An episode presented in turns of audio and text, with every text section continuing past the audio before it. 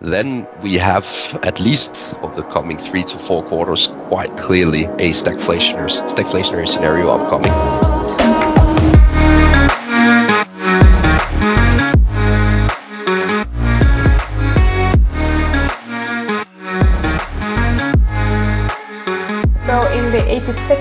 Episode of Anti-Loop Podcast, we'd like to welcome Andreas Steno. Uh, and Andreas, thank you so much for joining us and congratulations on your new podcast, The Macro Trading Floor. I've listened to all the three first episodes and I must say that it quickly found its way into my list of favorites. Thank you. Um, it's been uh, a great journey to um, to get this podcast started. Uh, it's something that I've been working on for quite a while, so I'm very happy that we finally uh, made it. Um, yeah, and I mean the three first guests you've had that's, that's just amazing. Uh, what a start. Um, and I mean, there are, uh, of course, many things to discuss today, but before we start, let's do a quick introduction. Uh, besides the new podcast, you're director at Heimstaden, but how and when did you find your way into macroeconomics? Well, it's like 15 years ago now. Um, so I've basically been working on um, the sell side uh, in investment banking since I was 21 ish. Um, and uh, I made my way through the organization at Nordea and ended up as the um, chief strategist uh, at, at Nordea in 2020 or thereabout, uh, running uh, a part of the research team within liquid asset markets. So I looked at uh, bond markets, FX, credit markets to a certain extent. But now I'm the on the buy side basically in Heimstaden, um, running the research team at, at, at. Let's talk a little bit more about macro because I mean the macroeconomic environment right now is pretty interesting to say to say the least. Uh, but what is actually happening in markets and and in the world? well, I mean, first, first of all, uh, we, we need to consider inflation for the first time in decades, uh, which is a massive game changer since most of the decision makers, uh, most of the policy makers, and most of the market participants have never experienced inflation to any large extent before. Uh, I had uh, a lot of discussions with portfolio managers throughout the autumn last year around the risk of inflation accelerating into this year, uh, and most of them felt a bit confused on how to position, uh, simply because they hadn't experienced a, a scenario like this before. Uh, if we add uh, to the mix that uh, the growth levels are now starting to wane quite drastically, uh, I think we see signs that the demand side is um, is starting to slowly but surely fall apart in this scenario. Then we have at least for the coming three to four quarters quite clearly uh, a stagflationary, uh, stagflationary scenario upcoming. Uh, I'm not sure whether we have a stagflationary scenario upcoming for the next decade. Uh, I sincerely don't hope so.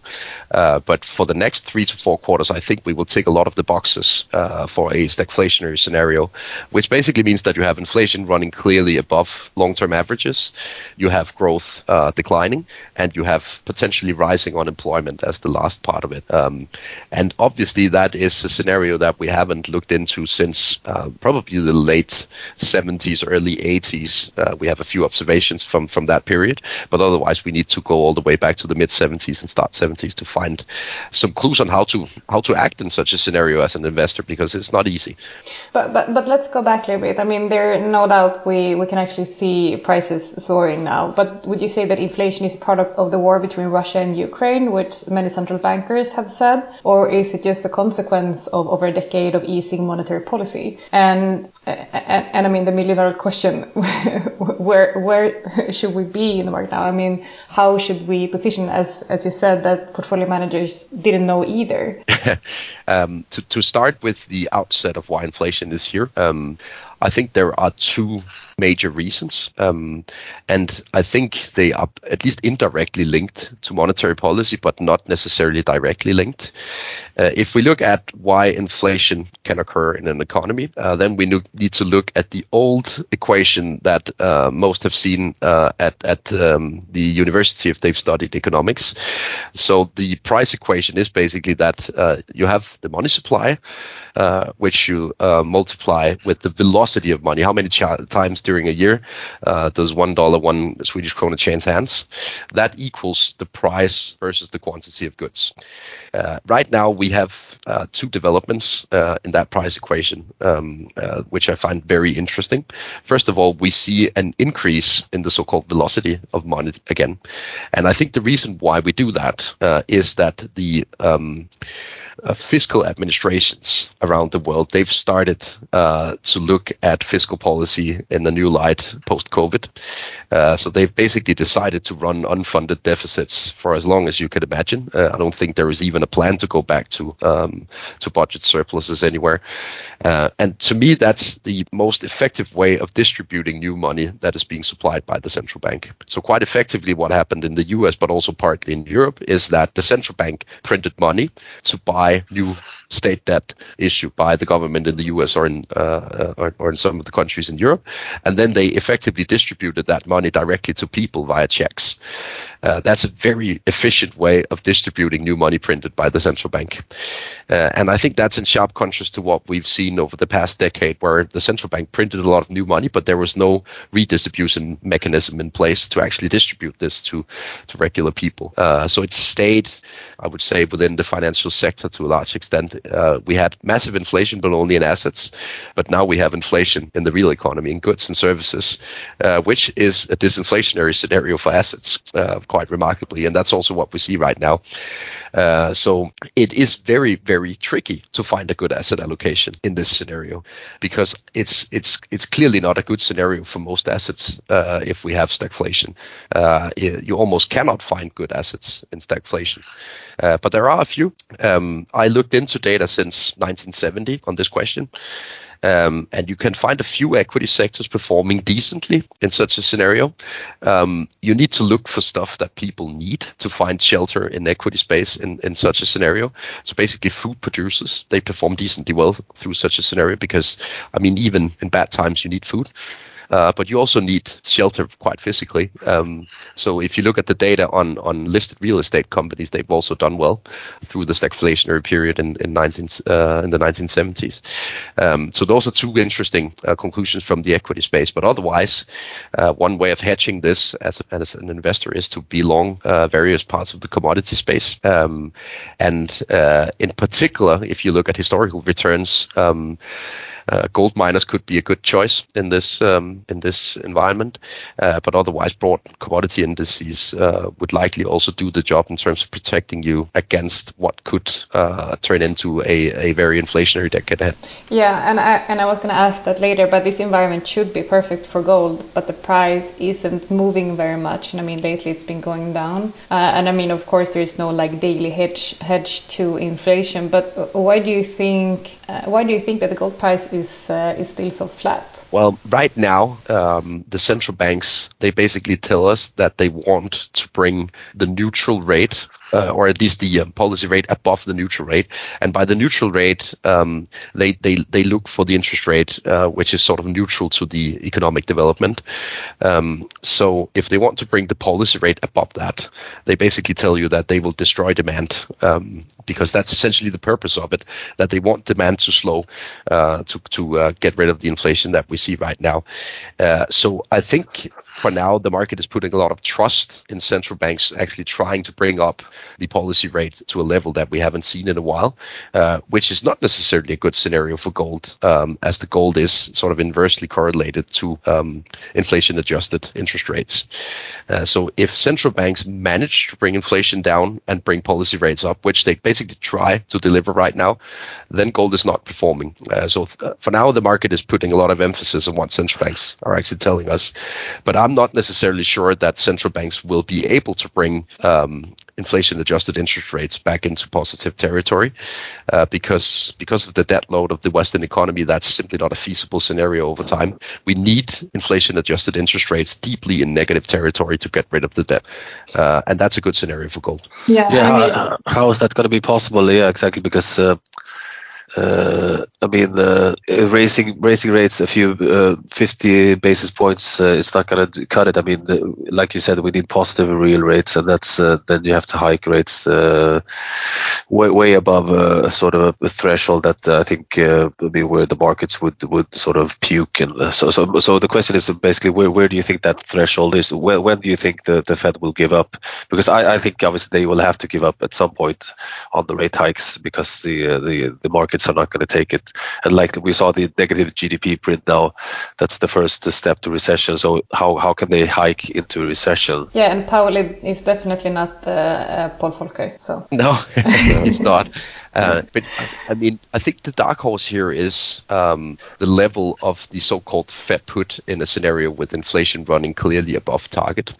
Uh, because at some point that Fed put will, put will obviously kick in. We've seen that over and over and over in in history. Uh, but I, I, I hold the impression that the level of that put option is is further uh, out of the money compared to to to to, uh, to usual times uh, as a consequence of inflation running too high. Because at least the Fed, they could decide to focus more on the unemployment leg, but a lot of central banks worldwide, they only have inflation as a target. Uh, so unless politicians give them another incentive structure, then they will have to at least partly accept to um, to kill the demand side of the economy due to inflation running too hot. Um, so it is it is a tricky question, and therefore, I mean, it's very very hard to be optimistic on risk assets in general. yeah, I mean, even even Powell wouldn't answer the question what he would do if if uh, if if growth slows and inflation picks up. I mean, he, he, just dodged that question because it's impossible to answer that question. Yeah. I mean, he, he has to he has to choose either say that we will continue to hike into uh, into a slowdown, uh, or we will cut, uh, we will stop hiking and, and, and, uh, and accept higher inflation but I mean, both of those answers, uh, I mean, it doesn't work really. So. No. Uh, they are they are they are in the box now. I think. The, the, my, my, my, best guess on the timeline on this is that they will try to go quite aggressively ahead uh, for the remainder of this year, but by the exact same time next year, uh, then I feel very certain that we could release a new podcast with the Fed um, at least pondering doing QE again yeah. as a consequence of uh, markets um, uh, and disliking the scenario with higher um, inflation-adjusted interest rates, etc. Uh, so I think they will give it a shot, but ultimately they will have to throw in the towel. Yeah, I, I, I support the story that inflation is going down over the next six, nine, 12 months. Uh, but I also support the medium term story that inflation will print a lot higher than what we've uh, been used to over the past few decades. So there's a cyclical story and a structural story to this. Uh, the reason why I um, trust the cyclical signal that inflation is going lower is that we have so many compelling um, indicators that demand is slowing, that um, demand will uh, start to come down um, to to supply levels. Uh, so the, it is the demand side that will take inflation lower, not the supply side, uh, which is obviously not a good scenario, uh, but a scenario in which inflation can actually come down as a consequence of demand coming down. Uh, so it, is due to demand destruction that we should expect inflation to get to go lower because the supply side is worse than it was three months ago, and it, it seems to be worsening by by the hour, by the week at the moment. We still know don't know the repercussions of um, a couple of big steel plants being taken taken uh, offline in Ukraine. Um, uh, one of the um, uh, byproducts of steel production is neon gas that is used uh, for the lasers in um, in chip production in, in, in Taiwan and in Asia in general. Um, and of course, over time, uh, China, um, uh, Korea, Japan, etc., will be able to to prop up the production of of neon gas, but it's not something you do overnight. And there is a reason why these steel plants they are placed in former Soviet republics because it's essentially uh, in a planned economy that you're willing to take the upfront uh, payment of, of creating such uh, sized steel plants. So it's it's not something that the capitalistic economy has been particularly upbeat on doing until the price gets even even higher. Uh, so we need a price adjustment um, to to get the supply side back into sync uh, for sure. And and then we haven't even mentioned the lockdown in Shanghai, which is definitely affecting the supply chain. Um, what will happen when when they lift restrictions, and and when do you think we can ex expect that to happen? I know that's an impossible question to answer, maybe, but uh, how how much uh, does it matter in, now? And, and now we're kind of back to, to the discussion I also had in late 2020. I mean, uh, my my main uh, uh, point on on the COVID handling in late 2020 was basically that the new uh, variant of of Omicron would eventually lead all European decision makers to to throw in the towel on on uh, on restrictions. I think I ended up being right on that, more or less. Um, and ultimately, I would expect the same to happen in China because you cannot run a zero COVID policy with a, variant as uh, as aggressive as, as Omicron in terms of spreading. Uh, we can see that. I mean, it, it, doesn't work to, to, to create that major lockdown in, in Shanghai. The the numbers keep increasing, right? Uh, so ultimately, they will have to throw in the towel. Uh, but I'm I'm very very um, uh, in doubt on, on on the timing of that. Um, and I also think that um, uh, we've waited for it already too long. Um, so, so um, good question on the timing of that. I think it's very, very tricky to, to forecast on the uh, Politburo in uh, in China. Um, I, eventually, it, it, will happen sooner or later this quarter. There's no, there's no way around it. Do you, do you think it's going to create like an overreaction in uh, especially commodities prices on the downside, where it's going to be a good buying opportunity long term? Yeah, yeah that, that's a perfectly feasible scenario uh, because uh, I mean a lot of demand has been, take, been taken offline um, due to this uh, lockdown, uh, and if you look at the uh, usual correlation between commodity prices and um, and activity levels in China, then there's quite a discrepancy right now uh, which to me is you can you can view that in two ways. Either it's a big warning signal of how high uh, inflation can go and how high commodities can go once China gets online again, uh, but uh, it also leaves a risk for a, um, a retracement lower for the for the quarter ahead. Um, so yes, if we get that retracement, I would uh, I would utilize it to to pick up um, uh, some positioning in, in commodities again for sure. So, so again, you said you're not positioned in commodities as of now, if I understood you correctly in, in, my uh, in my private portfolio, I have uh, commodity positioning on still. Um, so I own a lot of gold, um, which has, hasn't been the best bet, and then I own a very broad ETF on um, on commodity prices. So, but but let's talk a little bit more about commodities because in your first episode of Macro Trading Floor with uh, Jim Leitner as as your first guest, uh, you talked about the commodities market and uh, discussed whether or not we are in a commodity super cycle. So I really want to hear uh, hear your view on that. So do you think that we are, and are we in the beginning? Are we in the end? Are we some somewhere in the middle? Because prices had already started to rise over a year before the the war between uh, Russia and Ukraine, um, and now they're actually trading somewhat lower than they were when the war started. Yeah, I, I think that is due to the demand destruction that we see as a consequence of the war, but also as a consequence of how central banks react to um, to the inflation that we've seen. Uh, but I I buy into this being, uh, if not a commodity super cycle, then at least a decade long commodity cycle um, because there are a lot of supply constraints upcoming from a political perspective, uh, also in the years ahead. Uh, as a consequence of what we see uh, right now on the geopolitical scene. Um, if we want to pursue a path of autonomy uh, on um, on energy resources in Europe, for example, then we need to do much, much, much, much, much, much more than what we've already done in terms of constraining ourselves from natural resources in Russia, China, the Middle East, etc. Um, and it is essentially the path that we've chosen now. I think it's very hard to reverse on that course, uh, also from uh, sort of a political perspective. Uh, so I think that's that's a key reason uh, to remain um, in the camp that uh, commodities will have uh, room to go over the coming decade. Uh, essentially, I think the war in Ukraine has led um, politicians to take a decision that um, before, basically before the war, we contemplated moving towards a carbon neutral society by 2030 or 2050, something like that, realistically speaking. Now they're tr- trying to move that process ahead with decades. Um, and of course, if you move that decision so many years uh, forward in time, it will come with a big repercussion for the supply side. Um, the only risk I see to that view is that uh, regular people won't accept it by the end of the day, and they will vote for, for politicians trying to reverse the course. But that's the only risk I see to it. What uh, What are your views on on uh, energy? We're, we're extremely bullish on uranium because of the uh, uh, nuclear sort of prospects. what do you think about nuclear energy? Uh, well, at least by the end of the day, it is the only feasible solution if you want to uh, become energy independent over the next decade or two. Uh, so I think that's uh, like a crystal uh, clear case from that perspective.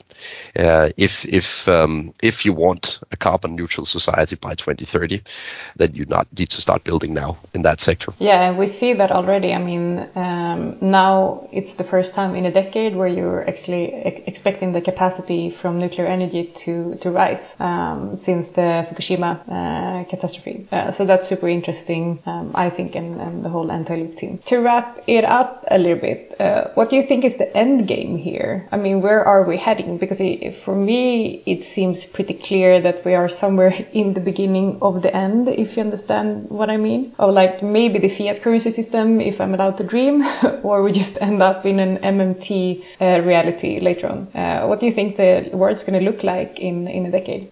I, I think you're right that we are headed in the direction of, uh, for example, universal basic incomes, MMT-like setups in many countries. Uh, on the other side of uh, of this uh, geopolitical conflict that we're in the mid uh, in the middle of, and the reason is that as soon as you um, allow direct transfers to regular people to become part of your armory as a politician, it, it's extremely difficult to remove it again. Um, so my take is basically as soon as we see these negative demands effects uh, unfolding over the next year or two, then you should expect politicians to revert to the tools that brought us here, um, namely handing out checks to write about everyone, because that's the feasible way of uh, trying to protect people against uh, inflation rising. Uh, we see it also in, in, in, in, countries close to us. I mean, we're talking about Denmark, Sweden, Norway, etc., uh, talking about um, handing out checks directly to households being uh, hit by the, the rise in natural gas prices and stuff like that. That is an early warning of what could happen if inflation starts rallying even more.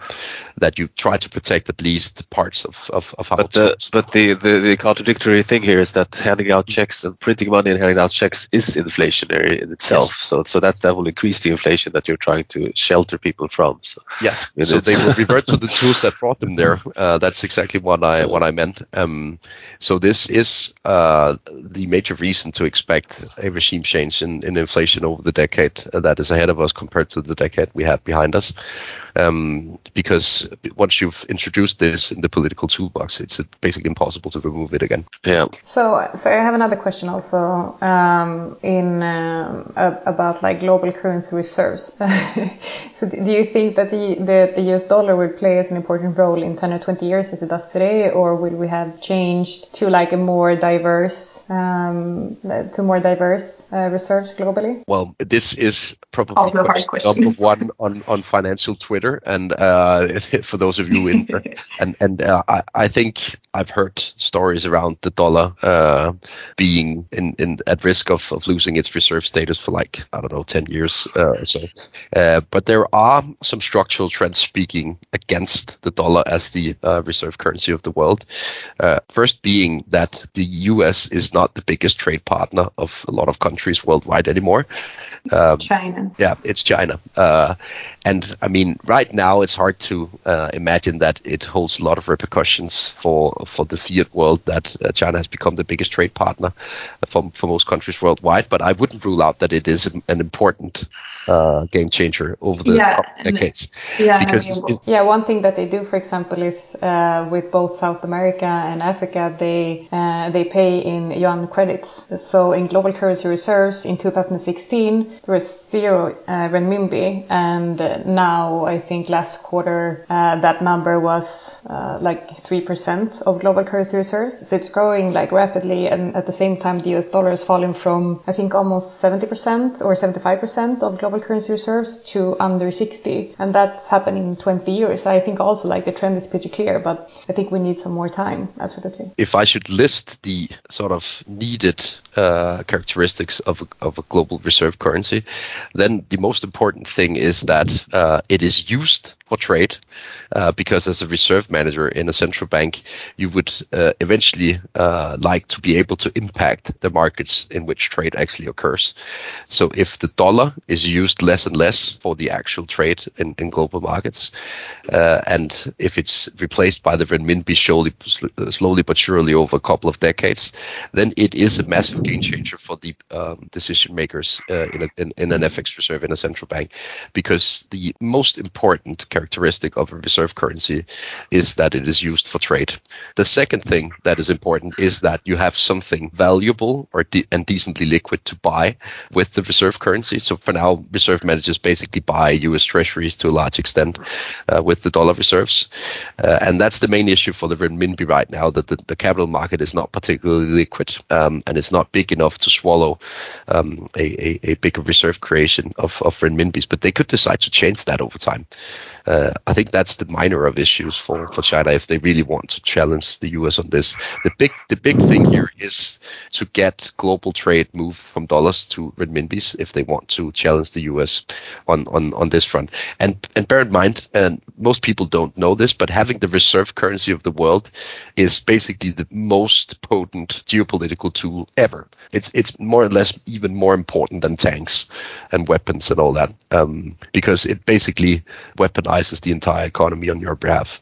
Yeah, I mean, I think that, that, the most important thing of a reserve uh, currency is that it actually is the reserve. I mean, like you yes. saw with the U.S. sort of just canceling the FX reserves of Russia. Mm. Uh, so they, I mean, if they can do that, they can do that uh, with anybody that they don't like, and that, that sort of puts the whole reserve issue into play. So I think that uh, we will have a quicker move out of uh, out of the U.S. dollar as a reserve currency because of that factor that the U.S. has weaponized the dollar. So, mm.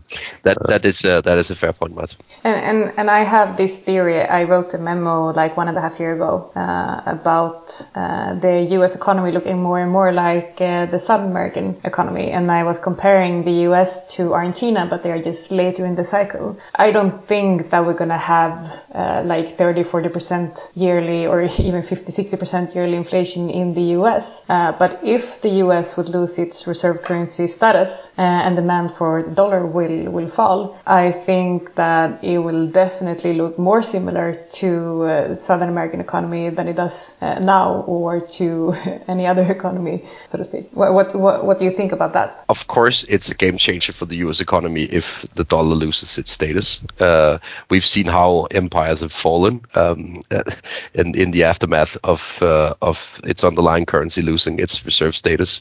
Uh, I mean, the UK was basically the hegemony of the world when the pound sterling was the reserve currency. Um, when, and when that was replaced by the dollar, the UK uh, turned into a, a, a much smaller uh, participant in the glo- global economy, also from uh, from a relative scale. Uh, so it is a massive game changer if the US loses this um, reserve status, and therefore they are also fighting with an arm and a leg against the process of, um, of, of the dollar losing its reserve status.